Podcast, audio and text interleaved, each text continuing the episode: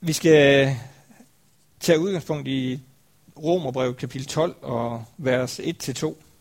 Og nej, det ved jeg ikke, men det er i hvert fald nogle af de vers, som jeg tror folk, der skal tale og selv må vælge, hvad de skal tale om, griber til, er til. Og det skal jeg også sige, at jeg gør. Øhm, og det gør jeg, fordi at jeg tror, at det her det er helt afgørende vigtigt, at vi lever i det. At det ikke bare er sådan en engangs men at det med at blive forvandlet og lad os forvandle, er noget, vi lever i. Der står sådan her, Romerne 12, 1-2. Så formaner jeg, brødre, ved Guds barmhjertighed til at bringe jeres lame som et levende, helligt offer, der er Gud til behag. Det skal være jeres åndelige gudstjeneste. Tilpas jer ikke denne verden, men lad jer forvandle ved at sindet fornyes, så I kan skønne, hvad der er Guds vilje. Det gode, det som behager ham, det fuldkommende. Det gode, det som behager ham, og det fuldkommende. Og det her med at, at lade os forvandle, det kan vi jo have forskellige tilgang til. Vi kan have den tilgang, der hedder, jeg har ikke brug for at blive forvandlet. Det kunne jo godt være en, en, en, en tilgang, du kunne sidde med, og vi kunne sidde med. Jeg er faktisk fin nok. Jeg har ikke brug for at blive forvandlet. Hvad var det lige, der skulle forvandles i mig? Tilgangen kunne være, øh, jeg ved, jeg har brug for det, men jeg har faktisk ikke lyst til det. Sådan kan jeg i hvert fald godt have nogle gange. Jeg kan godt se, at der er nogle ting, som har brug for at blive forvandlet, fornyet, eller hvad vi skal kalde det. Men øh, jeg kan også se prisen for det. Jeg kan også se, at det har jeg faktisk ikke lige lyst til. Tilgangen kan også være, at jeg ved, at jeg har brug for det, men jeg tror ikke på, at det kan lade sig gøre. Føler du dig nogle gange så stenhård? det kan, eller det er måske nemmere at kigge over til naboen. Jeg ved, han har brug for det, men kan det virkelig lade sig gøre? eller op på mig. Øh, jeg ved, jeg har brug for det, men tror ikke på, at det kan lade sig gøre. Tilgangen kan også være, at jeg glæder mig til at blive mere af det Gud, han har tænkt mig til at være. Og det håber jeg, det er den tilgang til forvandling, vi kan sidde med. Jeg glæder mig til at blive mere af det Gud, han har tænkt mig til at være. Fordi det tror jeg er Guds tanke, at han ønsker at forvandle os til det, han har tænkt os til at være. Når han tager os ind i sin favn, når vi siger ja til ham, så tror jeg, at målet bliver sat på, jeg vil gerne gøre dig til det, jeg har tænkt, du skal være. Det er Guds ud sådan endegyldige mål med den enkelte af os, at vi må blive til det, han har tænkt. Ikke i egen kraft, men i kraft af at være i hans nærvær. De her forskellige tilgange, dem har jeg egentlig sådan tænkt over ud fra det, der stod i, i det her vers. Øh, men lad jer forvandle, var en sætning. Men lad jer forvandle. Og hvor flytter det trykket hen? Det flytter trykket over til, at forvandlingen er min beslutning, om jeg vil lade den ske. Men lad jer forvandle. Vi kan også sige, men tillad Gud at forvandle dig også. Gud han gør det ikke ud over det, vi giver ham lov til. Vi kan ikke bare sætte os tilbage og vente på, jamen Gud han har lovet mig et nyt liv. Det må der snart komme. Alting skal blive nyt, står der, når vi vender os til ham. Det må der snart komme. Men lad jer forvandle. Giv ham lov til at forvandle os. Og hvis vi er der, at vi siger ja til det, så må det næste spørgsmål jo nødvendigvis blive, hvad er det så, der skal forvandles? Øh, hvad er det, der skal forvandles i os? Hvad er det Gud, han har brug for at forvandle? Jamen, han har jo ikke brug for at give os tre arme i stedet for to, selvom det indimellem kunne være praktisk. Han har ikke brug for at sætte ørerne ned på fødderne, eller forvandle os på den måde. Gør os til noget helt andet, end det vi er skabt. Der er jo sådan en, en spænding imellem, at vi er skabt præcis som Gud han har tænkt os. Og så bagefter siger han, nu vil jeg forvandle dig. Hvad er det, han vil forvandle i os? Hvad er det, der er brug for, der bliver forvandlet, for at vi bliver til dem, han har tænkt? Jamen i versene her, der stod der, at det var sindet, der havde brug for at blive fornyet. Men lad jeg forvandle ved, at sindet fornyes. Lad jeg forvandle ved, at sindet fornyes. Først og fremmest, så er det jo igen et, et, en udfordring til os at tænke, jamen det sind, jeg har, tror jeg på, at Gud han kan forny det, forvandle det, forandre det til det, han har tænkt. Tænker jeg, at der er måder, jeg er, tænker, reagerer på, som har brug for Guds forvandling. Og vil jeg give ham lov til at forvandle det? Og tror jeg faktisk på, at det kan han. Kan han ændre min tankegang på forskellige områder, min tilgang på forskellige områder? Kan han ændre det? Vil han ændre det? Ja, det tror jeg, han vil. Selvfølgelig vil han det. Jeg skal prøve at sætte nogle sådan forståelige ord på det her med, med sindet. For hvad er sindet? Det er jo en, en mærkelig ting. Hvad er vores... Det er jo ikke sådan en, en, en ting, lægen han kan tage ud og ændre i. det er jo ikke sådan en fysisk ting. Hvad er sindet? Hvad kan sindet være præget af? Jeg tror, at sindet kan være præget af at være skuffet og mismodig, for eksempel. Og kan Gud så forandre det? Kan Gud forvandle det? Et menneske, der er skuffet og mismodig, kan Gud forvandle det? Ved at sindet fornyes. Eller er du bitter og vred indeni? Kan Gud så forvandle det? Tænker du om dig selv, at jeg kan ingenting, så ønsker Gud også at forvandle det til det, han tænker om dig. Og i den her sammenhæng, at der ikke er nogen begrænsninger, når han får lov til at virke i os. Hvad din selvforståelse præget af? Og vi kan også sige, hvad vores kirkes selvforståelse præget af? Er den præget af det, vi tænker om os selv, eller det andre tænker om os? Eller er den præget af det, Gud tænker om os? Og ja, jeg er jo altid lidt på forkant, fordi jeg har siddet og tænkt over det her. Jeg synes faktisk ikke, det var så let at svare, svare på. Den måde, du tænker om dig selv, hvad er det præget af? Er det præget af alt det der, du har med i bagagen, som har gjort dig til det, du er lige nu, som Daniel Ottesen var inde på sidste søndag? Er den præget af bemærkningerne fra mennesker omkring dig, og måden de forholder sig til dig på? Eller er den præget af det Gud, han tænker om dig?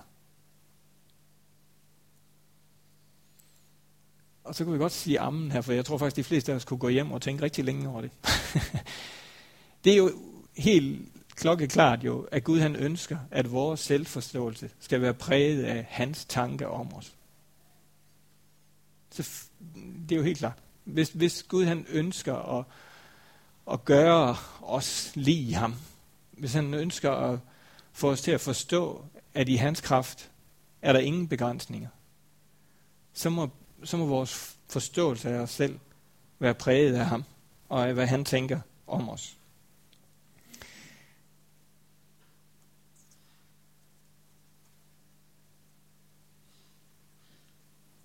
I 2. Timotheus 1.7, der står der, at Gud har ikke givet os en fej ånd, men en ånd med kraft, kærlighed og besindighed. Gud har ikke givet os en fej ånd. Altså en ånd, der, der øh, hvad skal man sige, ja, hvad er fejhed? Det skal jeg lige finde et billede på, det her ikke lige. Springer over, hvor gaden er lavest, ja, eller trækker sig, fordi opgaven bliver for stor. Eller tænker, at det her, det er, det kommer til at koste mig herhen, kan jeg se, så jeg trækker mig. Det er sådan, hvad er en fejånd? Gud har ikke givet os en fejånd, men en ånd med kraft, kærlighed og besindighed. Det er Guds forståelse af dig og mig. Det er det, han har lagt ned i os. Det er den ånd, han har givet os, da vi tog imod ham. En ånd af kraft, af Guds kraft. Ikke af, af vores egen kraft og formåen. Hvor det er, vi kommer til kort, som i den situation, vi var inde på i starten i forhold til flygtning men en ånd af kraft, som kan forvandle det menneske, vi møder, det den situation, vi er i. Han har givet os en ånd af kærlighed. En kærlighed, som rummer det menneske, som rummer ondskaben. Det er jo svært. En kærlighed, som rummer det menneske, som rummer ondskaben. De mennesker er der jo. Vi ser det jo med gro rundt i verden, at mennesker rummer ondskaben. Men Guds kærlighed rummer mennesker. Det er den ånd, vi har fået. Det er den tanke, Gud han ønsker at lægge ned i os. Det er den tilgang. Og så tænker jeg jo, at det er sjovt, der står, at vi har fået en ånd af besindighed. Det er jo noget, vi vestjyder, vi virkelig synes er, der har vi fået i overmål. vi har virkelig fået besindighed i overmål. Jeg, jeg er faktisk ikke defineret. Jeg har ikke lavet en, en formulering på, hvad det er, for det, det, det synes jeg egentlig ikke lige, jeg kunne. Jeg vil bare vide den ud til at, at tænke lidt over. Jeg ved, hvorfor ånd af besindighed, og hvad der ligger i det. Det står jo ikke i Bibelen, hvis ikke det var, fordi det skulle være der. Det, det er sådan min bibeltilgang i hvert fald. Det er ikke en fejl. en ånd af besindighed. Når vi så har oplevelsen og forståelsen af, at vi er, er brugbare i Guds plan, når vi har forståelsen af, at Gud han ønsker faktisk dig og mig her, fordi han tænker, der er brug for dig. Han tænker, at jeg har en, en, en plan med dit liv lige præcis, hvor du er. Øh, og nu skal jeg ligesom lave en lille krølle på plan her, fordi det er altså ikke i min verden sådan en, en plan, der er bare fuldstændig gå derhen, gå derhen, gå derhen. Og hvis ikke du gør det, så er du egentlig gået uden for Guds plan. Guds plan for dig er at rumme hans ånd, som vi lige var inde på før. Og det er du sat til, lige der hvor du er. Men ud af, ud af den forståelse, så tror jeg, ønsket om at blive forvandlet opstår. Også selvom den forvandling måtte koste noget, som jeg tænker, det har jeg måske ikke lige sådan lyst til. Men hvis jeg skal være, hvis jeg skal være bærer af Guds ånd i den verden, jeg er i, så kan jeg godt mærke, så har jeg brug for til stadighed, at Gud han forvandler mig. Til stadighed han forvandler min måde at se på mennesker og have kærlighed til mennesker på og reagere over for mennesker på. Sådan helt ud i det helt praktiske har jeg brug for, at Gud han rører ved noget inde i mig, så det kan blive til det, han har tænkt forvandlet.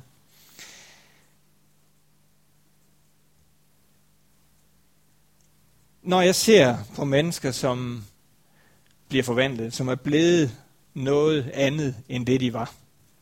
Og hvad mener jeg med det?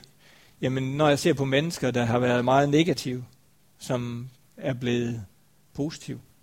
Når jeg ser på misbrugere, som var totalt afhængige af noget, som er blevet fri. Når jeg ser på nogen, som har været fuldstændig ligeglade, uengageret, som er blevet engageret, hvad er det så, der sker? Hvordan gik det til? Øh, og så må jeg bare sige, at jeg kigger med forundring på, hvad, hvad det der lille lad i vores tekst fra før af, det betyder. Nemlig det der med, at de tillader forvandlingen.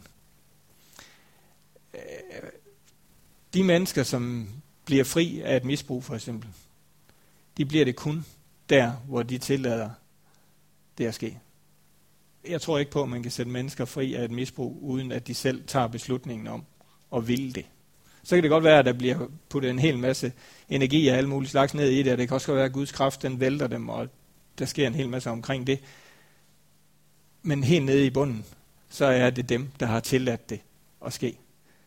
Så alle de her forandringer udspringer jo af, at der blev taget en beslutning om at ville det. Og kraften til, at det skal ske, kommer jo ikke ud af os selv, den kommer ud af fællesskabet med Gud kraften til forvandlingen, energien til forvandlingen, kommer ud af fællesskabet med Gud. Og jeg har lyst til at udfordre os til at søge ind i det fællesskab. Lyst til, at vi, den enkelte af os, men også os som menighed, kigger på, hvad er det, der er vores opgave, og løser vi den. Ikke som sådan, at vi skal have en stjerne i bogen. Men er vi bevidste om vores opgave? Både som den enkelte af os og som menighed.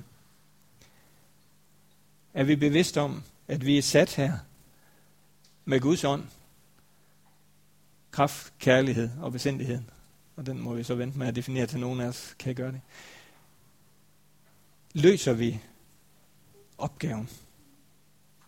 Bliver vi forvandlet til det Gud, han tænker med os? Torben var inde på i søndags, at han tog skoen her. Det gjorde indtryk på mig, Torben. Det kan du godt høre. Jeg ved ikke, hvorfor det gjorde indtryk, men nej.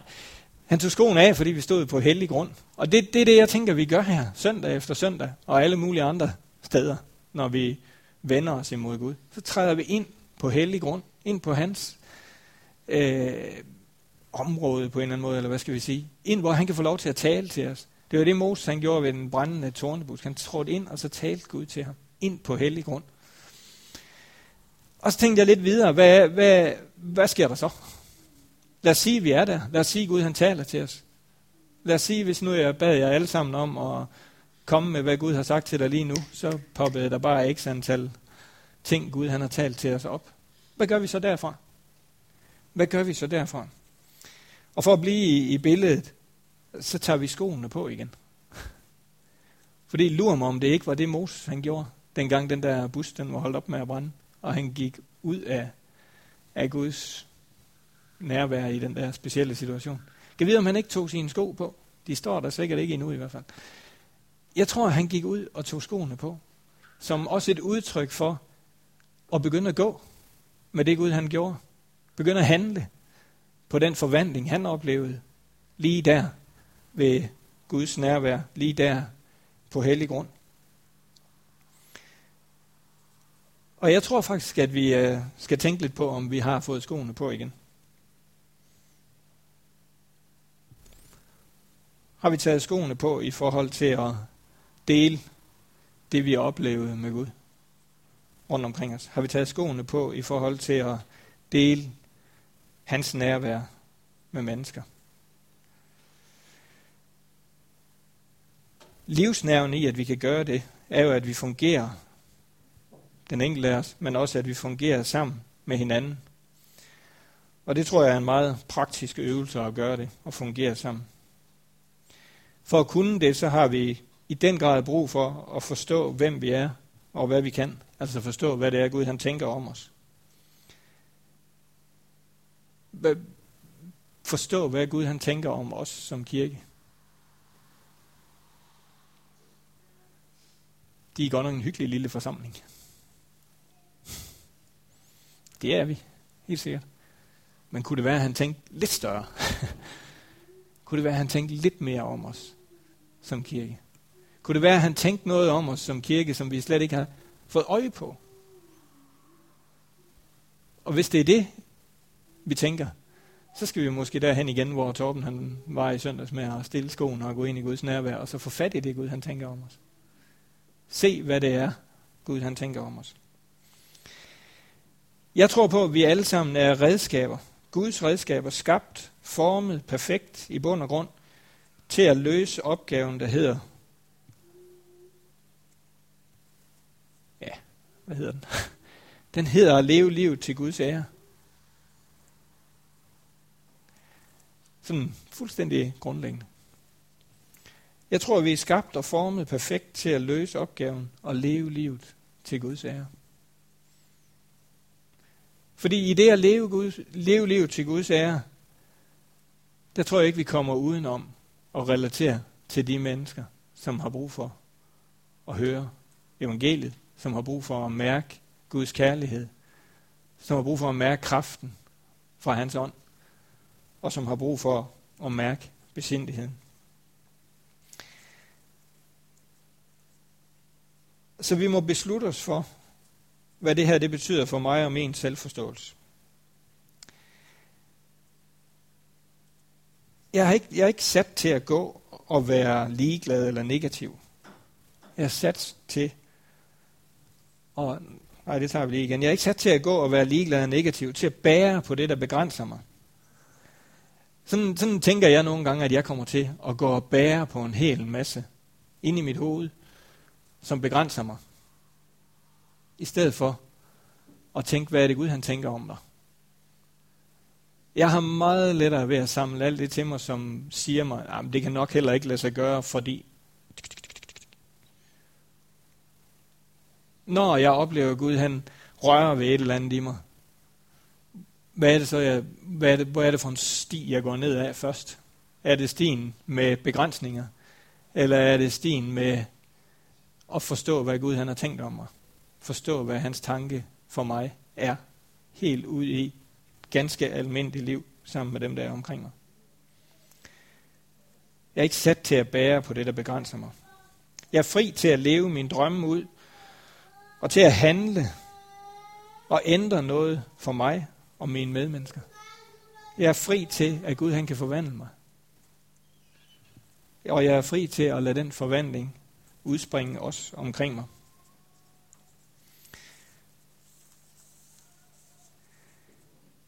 Jamen, jeg mangler lige det her, for at det kan lade sig gøre.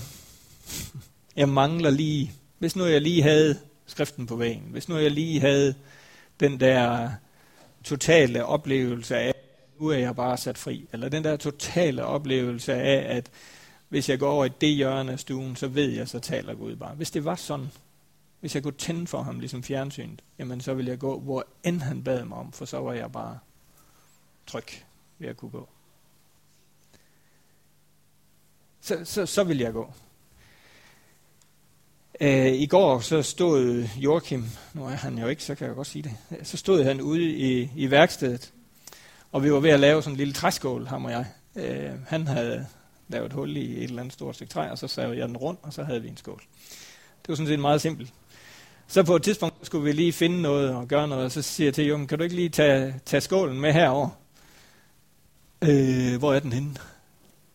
øh, jeg kan ikke finde den. Jeg vil gerne tage den med over, men jeg kan ikke finde den. Og han kiggede, og han var rundt og kiggede. Og han stod her, og skålen den stod der. Men han kiggede bare fuldstændig henover. Hvor er den henne? Han kunne bare ikke finde den. Og dengang jeg så havde drillet ham lidt med det, så øh, sagde jeg jo til ham, den står lige der, tag den. Og der tænkte jeg sådan lidt på, jamen sådan, sådan tror jeg faktisk nogle gange Gud han tænker om mig. Svend, det du går og kigger og leder efter, for at du kan løse opgaven, jeg har givet, løse det liv, som jeg har givet til dig, for at det kan blive til det, det jeg har tænkt velsignelse. Så, så tag skålen her. Den, den står lige der. Men vi, vi kigger helt ud og skal have nogle perspektiv på, som slet ikke er givet os. Jamen, jeg kan ikke hjælpe de her flygtninge, fordi jeg er ikke sikker på, det nu er endetiden. Hvis bare jeg vidste, at det her det var tegn på endetiden, så skulle jeg hjælpe dem alt det. Og vi kigger helt langt derud. I stedet for at se, hvad det er Gud han har givet mig at række ud med. Og så lad det være hans plan, om det her det er endetiden. Om det her er opfyldelsen af nogle af de profetier, der har været, som I har garanteret også stødt på på Facebook, og hvor nu man møder sådan noget hen.